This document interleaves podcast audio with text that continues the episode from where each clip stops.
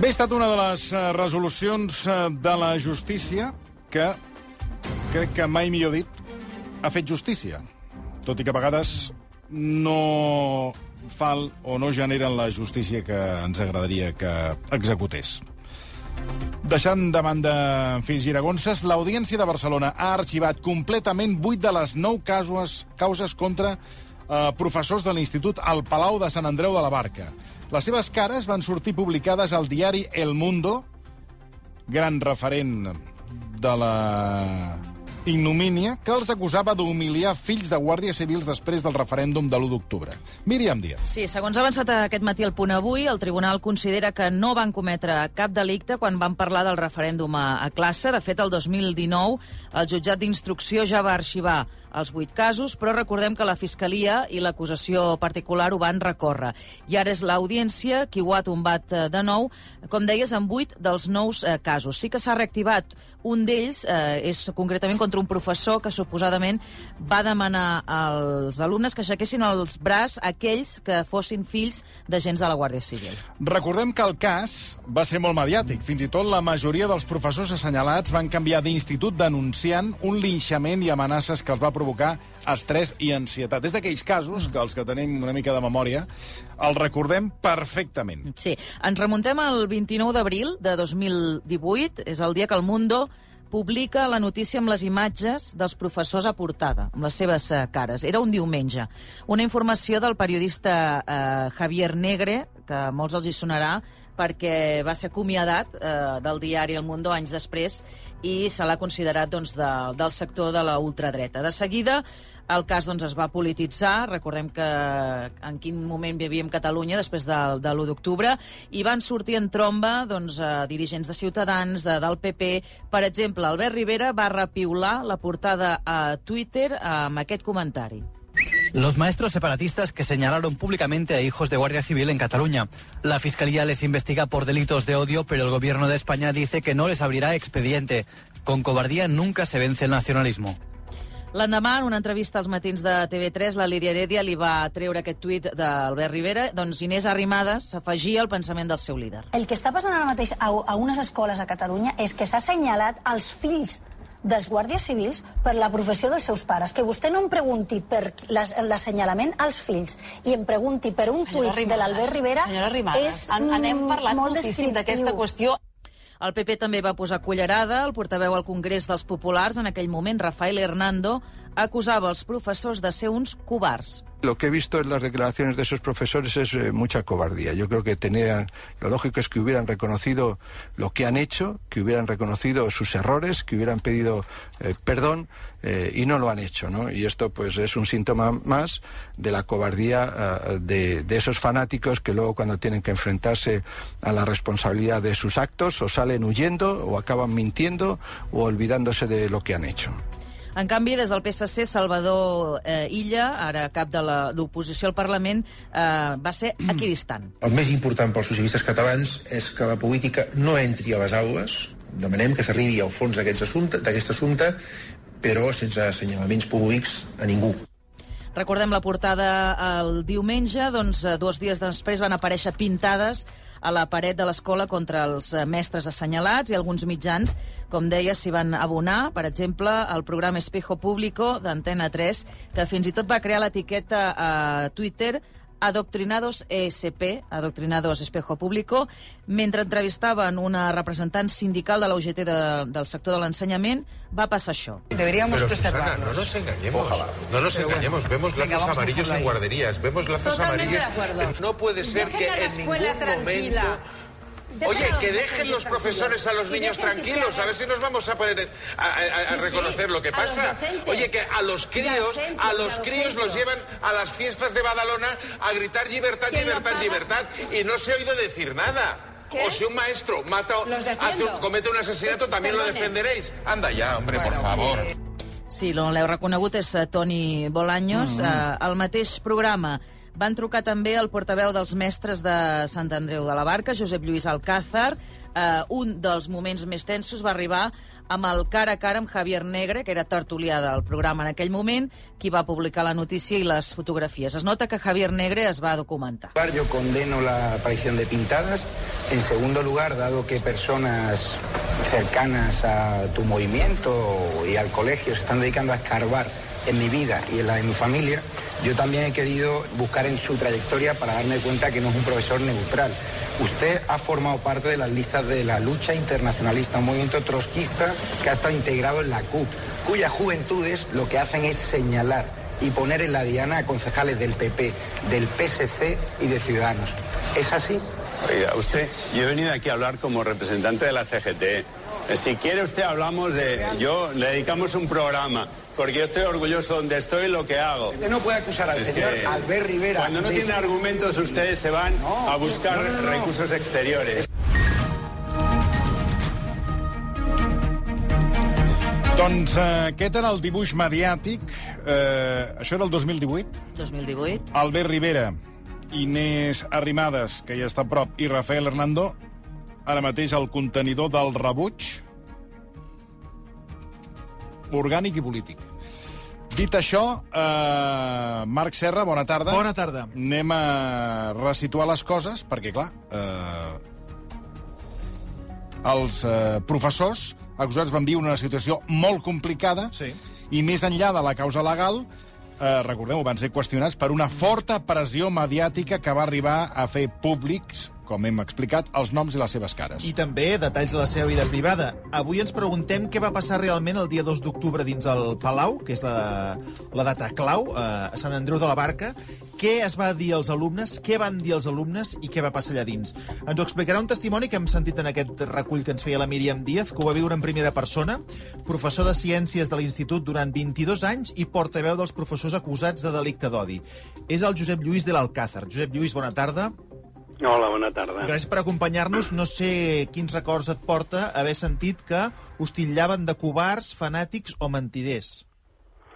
Home, jo crec que en aquell moment estava tot preparat per, per convertir qualsevol cosa en un, en un cas mediàtic i, i en aquí va caure la, la tempesta perfecta sobre el Palau, no? Vull dir que jo crec que era una, una situació exterior al centre, perquè jo crec que no hi havia hagut mai problemes de, diguem-ne, de, de, de funcionament al centre, de relació amb les famílies, d'una mena, d'una altra, i això ho puc dir amb, amb, amb, amb, amb coneixement, perquè he passat molts anys allà, he tingut moltes tutories, amb pares, eh, alguns de la Guàrdia Civil, uns altres no, és a dir, una situació normal, i ens va caure d'alguna manera aquesta tempesta sobre el Palau perquè s'estava buscant amb una instrumentalització exterior que va desvirtuar immediatament eh, tot el que podia passar a l'institut o no podia passar. És a dir, que jo crec que, que aquí eh, el problema el vam tenir més des de l'exterior que, que la situació que, que es va produir o que es podia produir a les, a les aules. Explicarem què va passar cronològicament a, a dins i a fora, però perquè ens tinguem una miqueta més clar on som i de què estem parlant, eh, situem-nos una miqueta. El Palau és al costat d'una caserna, d'una de les grans, Exacte, grans casernes sí, de la Guàrdia sí. Civil, no? Efectivament, deu haver-hi, no sé, 150 metres de distància entre la porta d'un i de l'altre, eh, és a dir, que es veu des de la porta del Palau, es veu la porta de la caserna i a l'inrevés, per tant, és una, és una caserna molt gran, eh, de fet és la segona, em sembla, en tamany de tot l'Estat, eh, per tant, és, ha sigut habitual al llarg de tots aquests anys el fet de que fills i filles de la Guàrdia Civil vinguessin allà a l'institut, al, al Palau. Abans de l'1 d'octubre no hi havia hagut mai cap problema per un debat No, sobre Catalunya, sobre el referèndum... No, no. Vull dir, realment el, el, els problemes es generen al voltant de, de l'1 d'octubre. Eh, bueno, l'1 d'octubre el Palau estava com, com seu de votació. Éreu seu de votació. Sí, sí. Eh, aleshores, esclar, davant mateix, no només la, el, el, la, els, la, la gent que vivia a la caserna, sinó que a més havien vingut em, diguem-ne, reforços des de que havia sortit en premsa i a tot arreu de tot l'Estat de cara a l'1 d'octubre i res, va ser començar al matí i immediatament es va presentar diguem-ne, Guàrdia Civil al centre eh, es va esbotzar la porta es va prendre les urnes, es va agafar el que hi havia per allà i van marxar i van seguir amb, amb, amb altres llocs de Sant Andreu de la Barca. Al Palau hi va haver violència, ho dic perquè llavors explicarem com es va explicar o què es va dir eh, en els nanos. Allà hi va haver violència, entenc que no es va votar, però ah, potser Home, altres... Eh, la, de la, la la Barca? porta esbotzada no deixa de ser-ho, però és veritat que no hi ha una violència directa, com sí que va haver-hi en altres llocs de votació de Sant Andreu de la Barca. Per exemple, al CAP, altres llocs sí que va haver-hi, diguem-ne, gent que va prendre mal, en allà no. Mm. Això no, aquesta situació no es va donar. La data clau de tota aquesta història que estem explicant, de què va passar dins de l'institut, és l'endemà, és el dia 2 d'octubre. Què, què va decidir fer l'escola en aquell moment, en aquell dia?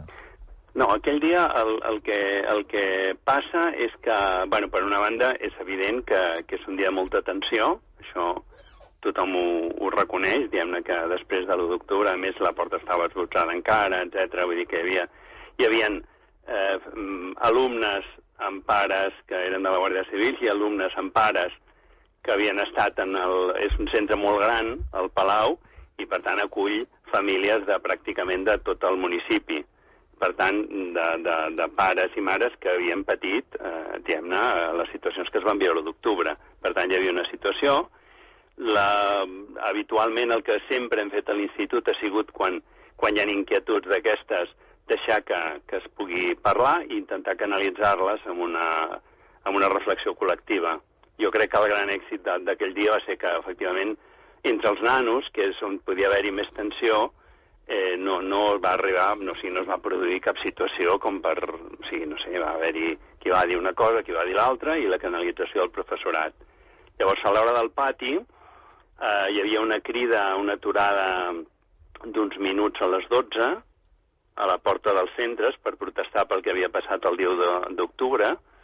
Aleshores, a l'hora del pati va haver una reunió d'urgència, una assemblea de professorat d'urgències, va de, decidir adherir en aquella convocatòria, llavors es va preparar per tal de que els alumnes eh, i les alumnes poguessin anar al pati amb, amb professorat de vigilància, etc per assegurar que no... O sigui, es va, vull dir, eh, que, que estiguessin al pati. Al pati i on es va fer la concentració de professorat, que va ser a la porta, no hi havia ni, ni connexió visual, és a dir, que no estàvem en un moment...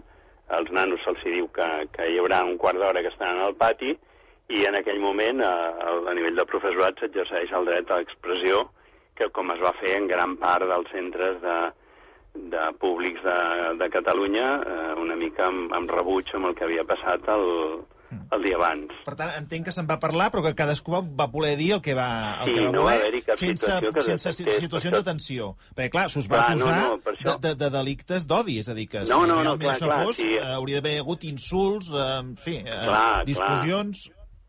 Sí, sí, sí, no, no, i, i realment nosaltres estàvem, no preocupats, però sí que és veritat que un moment de tensió i que, que a nivell d'alumnes no hi hagués situacions amb el teu pare, la meva mare, o no sé què, o t'ha pagat o no pagat, saps què vull dir? Que, que podia donar-se i, i, i no va haver-hi cap situació, ni al pati tampoc, vull dir, no va haver-hi cap situació.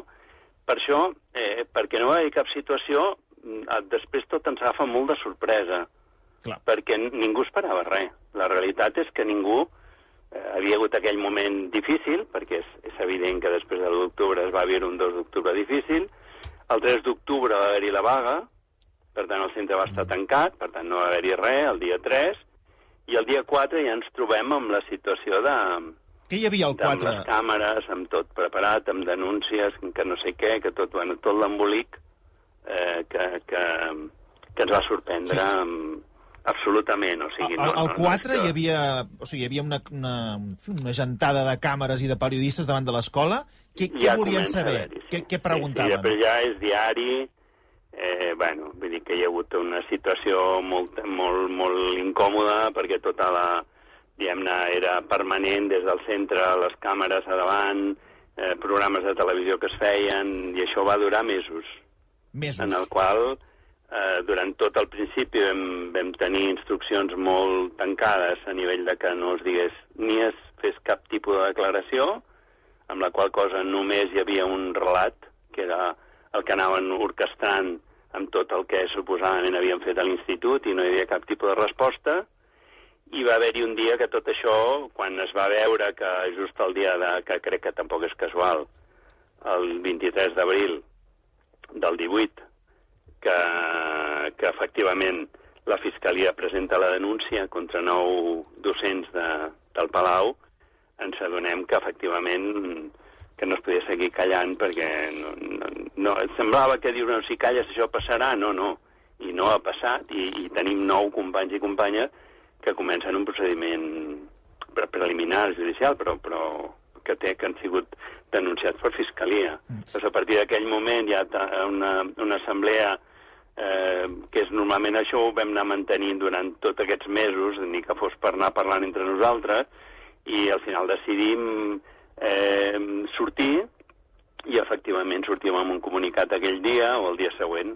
Vull dir que és tot eh, molt tot immediat després del, del 23 d'abril i, i d'alguna manera hi ha una primera resposta. No? Això I passava- hi ha una segona resposta Sí. quan arrel de que comentava la companya de la- l'article, bueno, article per dir-ho d'alguna manera, la portada del Javier Negre al Mundo Sí. i el retuit de, de l'Albert Rivera i les pintades i tot això, que hi ha una reacció que aquesta ja no neix en el centre, sinó que neix en el poble entre exalumnes que es van juntar com a mil persones davant de l'Ajuntament, eh, famílies, eh, gent del poble. Llavors, aquell va ser també un moment molt important per tallar una situació en la que comença a explicar-se com el problema que hi ha hagut al Palau ha sigut la, la utilització, no? Que, com com s'ha buscat, s'ha burxat i s'utilitza amb, amb finalitats que no tenen res a veure amb el debat que podia haver hagut en el, en el centre. Josep Lluís, ens estaves explicant, i la Míriam també ens explicava què passava fora, però a dins, que és el que nosaltres no vam veure, durant aquest temps què passava? És a dir, la canalla com va reaccionar? Bueno, a dins, eh, a veure, hi ha de tot, no? Perquè és que, ja dic, és un centre molt gran i també entre els alumnes hi ha de, de, amb totes les maneres de pensar, no només per la família, sinó per, la, per les maneres de pensar que cada un del, dels nois i de les noies van, van construint-se, no? Per tant, és evident que no va ser, van ser uns mesos molt difícils perquè d'alguna manera altres alumnes no reconeixien allò que es posava en boca d'uns contra, contra professors, professores, etc. Vull dir que, que va haver-hi una situació... Eh, bueno, però que, diguem-ne, la part interna es va anar gestionant. És veritat també que, bueno, que, que s'empenyia molt des de fora i això eh, d'alguna manera també augmentava la tensió cap a dins, el fet de que pues, entrés amb, amb banderes o amb l'himne o amb alguna, l'himne espanyol o alguna, alguna cosa que fos com, com una, com una, no?, que davant d'aquella situació com una manera de... I, bueno, van haver-hi casos concrets, però això no deixa de ser, diguem-ne, situacions que, que, que es van anar gestionant, no? Llavors, a partir d'aquell moment, quan ja vam començar a respondre, eh, i després a nivell d'una part de, de persones de, que, que han viscut a l'institut, com a avis, com a pares, com a mares, com a exalumnes, tot allò, van sortir clarament a, a, a davant del que, que estàvem veient, la cosa va començar a canviar, perquè jo crec que eh, va haver una resposta, eh, la gent d'alguna manera mm, podia comentar, parlar... Jo crec que tot allò va, va, va començar a generar una altra situació, no obstant, com que el procediment continuava i, i, i vam passar tot el curs següent també amb tot el tema de l'espera de, de, d'arxivament o no del cas i tot això també va ser un altre curs complicat. Els professors com, com ho van viure? És a dir, eh, personalment, laboralment, els professors assenyalats en aquesta portada del Mundo, que es va explicar on vivien, qui eren, eh, com, com, com s'ho van prendre i com ho van gestionar? Home, aquí cadascú um, com va poder, perquè va ser molt dur. Va ser molt dur i ha sigut molt dur i està sent molt dur. Perquè jo crec que el tema, a part de que estem molt preocupats, perquè, clar, ja, ja no, no s'han tancat tots els casos. S'han tancat vuit, queda una persona. No? Llavors, eh, és veritat que el que es va gestionar a final de curs, d'aquell curs que 17-18, no? que, que ser el primer, és que eh, davant de la previsió que pugui haver-hi algun, algun procediment judicial o alguna cosa que el professorat d'alguna manera pogués optar a, a poder buscar una altra plaça fora de Sant Andreu de la Barca i fora del Palau per, perquè, perquè ho considerés, és a dir, perquè considerés que fora de la pressió aquella que es vivia al Palau tenia més, més, més possibilitat d'afrontar el curs que també anava a ser complicat, com va ser. Llavors, és veritat que una part del professorat eh, va optar per sortir del... Inclús professors, alguns d'ells i, i d'elles de molts anys, de, és a dir, molta tradició a l'institut, van optar per canviar. De fet, en aquest moment hi ha una persona i la resta, diguem-ne, fins les 9, estarien en altres centres treballant en altres llocs. I cada un ha hagut de patir la situació perquè no només la situació està oberta, sinó que era accessible eh, a que qualsevol alumne li arriba un professor, mira qui, eh, quin professor és, i immediatament li surt les, les portades del Mundo. Llavors, eh, perquè hi havia els noms, és molt greu tot el tema del, de l'atac a la intimitat de, de les persones i el dret a la, a la presumpció d'innocència i totes aquestes coses que es van vulnerar i que, i que van patir la gent perquè era com un, com un, com una amenaça, no? El, el dir, ostres, sempre patint de que, de que hi hagi aquesta situació que, que, per altra banda, és bastant normal que en els instituts moltes vegades quan arriben professors i tot això, els alumnes, doncs mira, busquen i saben, aviam de què Sí, clar, ve, tal. però no el trobaran a la portada del Mundo com va ser, com va ser aquest el cas, evidentment. Jo et volia preguntar, esclar, vull dir, que aquí cadascú va gestionar com, com, com va poder, eh, la família o les famílies que us van denunciar per d'aquests delictes d'odi, les veu poder arribar a, a conèixer, veu parlar, i va haver-hi una moderació, eh, un, un confrontament... No, aquest, aquest, va ser, aquest, aquest és l'altra part, no?, que, que complicada, perquè, bueno, va haver-hi un intent de mediació, jo crec que el, el punt més avançat el va fer amb una gestió que va fer el síndic de Greuges, que va venir a l'institut. Jo crec que va ser el punt més proper, en el qual ell es va reunir amb les famílies, va reunir amb el professorat, i ell va fer algunes gestions, però, però no va arribar a, a, a que tot allò quallés. També vam demanar molt a nivell de l'Ajuntament, també l'Ajuntament de seguida doncs, també no era casual, perquè en l'Ajuntament eh, educació estava portat per Ciutadans. I d'alguna manera, justament, els, els dirigents de Ciutadans era un acord entre PSC i Ciutadans. I justament Ciutadans estava a la conselleria de... Ai, perdó, la regidoria d'Educació. I justament els seus dirigents, pues, abans sentíem, escoltàvem eh, no, el, Mm -hmm. el Rivera o, Sí, sí. o l'Arrimada, Arrimadas. tot això, pues, justament estaven fent una campanya brutal contra l'institut. Anys després, el mateix regidor que en aquell moment estava, que a més dolia molt perquè eh, aquest regidor havia sigut alumne de l'institut, va reconèixer a finals del 21 en una entrevista que no, no, que l'institut ell mai havia viscut una situació d'adoctrinament i que això havia de ser una equivocació. No, no recordo si la paraula va ser equivocació. Un malentès, feia- un malentès, va dir. Un malentès, exacte. Sí, sí, sí, correcte, correcte. Un malentès, cosa que encara dol més, perquè ell en aquell moment hagués dit això i hagués aturat una part com a mínim de, de, la, de la repercussió mediàtica dels seus propis dirigents polítics que estaven dient sobre el Palau qualsevol cosa, eh, i hagués sigut important, no? Jo et volia O sigui- preguntar, per acabar, Sí. eh, el dia d'avui, després d'aquest calvari judicial, mediàtic, també personal, com ens deies, molts ja no són al centre, han hagut processos de, de baixes, de, de, de depressió, en fi, una situació molt complicada. Avui, mm, com es viu al centre aquest dia? Perquè sí que s'arxi- s'arxiva la causa per vuit, però Clar. hi ha una sola, una altra persona que continua amb aquesta situació oberta i, i què, què en sabeu, també? Clar, clar, aquest, per això la situació és molt agradolça, per dir-ho d'una manera. O sigui, és, és evident que tothom està content per les vuit persones, que se'ls ha tancat de, definitivament el, el cas, i ja no han de patir més per això. Una altra cosa és per les repercussions que tenen, el que abans he comentat, que a xarxes, no sé què, o sigui, aquí ha acabat una part, perquè d'alguna manera hi ha una part del mal que està fet ja. I, I dona la sensació que no només està fet, sinó que amb impunitat. O sigui, quan, per exemple, eh, no sé, vam, vam, vam plantejar que, que, que, que el que estava traient Javier Negra pues, no era odontològicament correcte segons els principis del periodisme i tal, se'ns va contestar que no, que no, que allò llibertat de premsa, no sé què, no, bueno. Llavors, sembla que tot, eh, diguem-ne, és com una impunitat, no? Una impunitat que inclús després l'hem vist repetida amb altres casos. Fa poc amb la Palma, amb, la, Exacte. amb una professora de la Salle, no?, que, que es va trobar amb una història, una bandera, i ràpidament... I tota l'aparell exterior, inclòs el negre també, tot va actuar una vegada més i no passa res, però, però el mal el deixes fet. Saps què vull dir?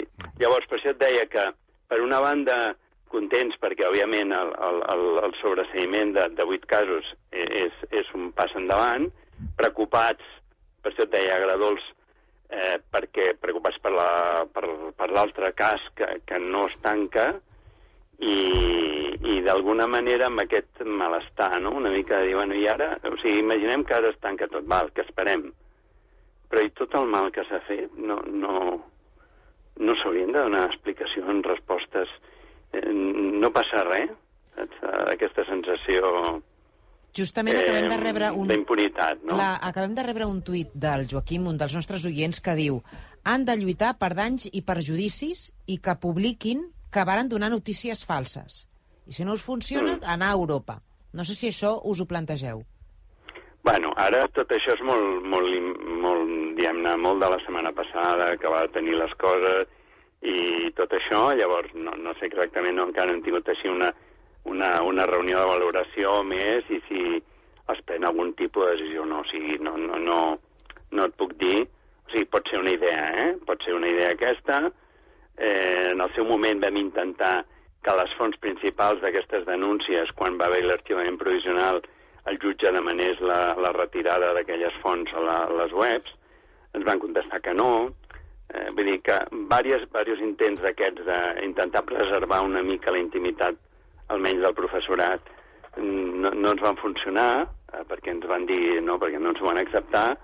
No sé ara si estaríem en condicions de fer alguna cosa d'aquestes o de demanar ara si mm, la retirada o esperar el cas. Vull dir, no, no sé. Ara eh, nosaltres el que, el que hem de veure és com ho podem, com ho podem gestionar, com podem ajudar sobretot perquè no hi ha cap motiu perquè l'altre cas sigui diferent. Això t'anava a de preguntar. Qui- resta Quina de- explicació hi doneu que aquest cas encara estigui no, obert? no, no, no, no ho entenc, vull dir, absolutament, eh? T'ho dic perquè... O sigui, què, què el fa diferent dels altres? Mana? Què el fa diferent dels altres? No ho sé. No, no ho sé de debò, eh? No, no, no ho sé perquè no hi ha res, aparentment, no hi ha res que diguis, ah, no, és que va haver tal cosa de més o de, de menys o de tal, o que el fa diferent de la resta. No, no, no, no, no ho entenc. Vull dir, sincerament, no ho hem entès. Eh, I això compartit, eh? Perquè hem, hem estat mirant i llegint una mica les resolucions, totes aquestes coses, i no entenem quina és la diferència com perquè aquell cas eh, el reobrin, que esperem que no arribi a judici, o, o, o que si arriba a judici, òbviament, surti, perquè no, no, no veiem que tingui cap, que tingui cap altre element eh, diferent de la, de la resta dels, dels casos que sí s'han arxivat Doncs definitivament. això és el que es va viure més enllà de les portes de l'escola, eh, una situació que anys després, han hagut de passar anys, eh, s'ha corregit en part, però que encara queda un docent eh, també ho trobem nosaltres inexplicable, que si la resta, diguem-ne, s'arxiva, doncs aquest encara queda, queda pendent. Uh, Josep Lluís de l'Alcàzar, moltíssimes gràcies per aquesta narració. Molt bé, doncs a vosaltres. Gràcies, eh? fins una altra. Molt agraït pel, pel testimoni del Josep Lluís de l'Alcàzar, que, que ha donat el punt de vista de tal que van viure aquests mestres i, com dèiem, eh, amb total impunitat per part d'alguns mitjans i per part d'alguns polítics, que, per cert, tampoc surten mai a demanar disculpes del mal que fem amb declaracions com aquest, com, com aquest tipus.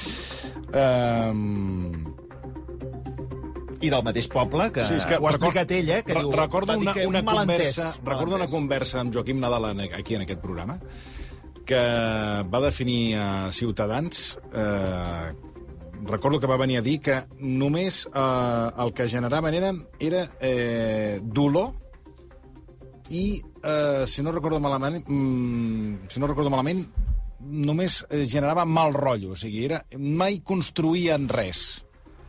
I crec que va ser un diagnòstic encertadíssim, perquè si mires la trajectòria de Ciutadans, al final dius, políticament, què heu construït? Odi. Uh, fem una pausa i ara tornem.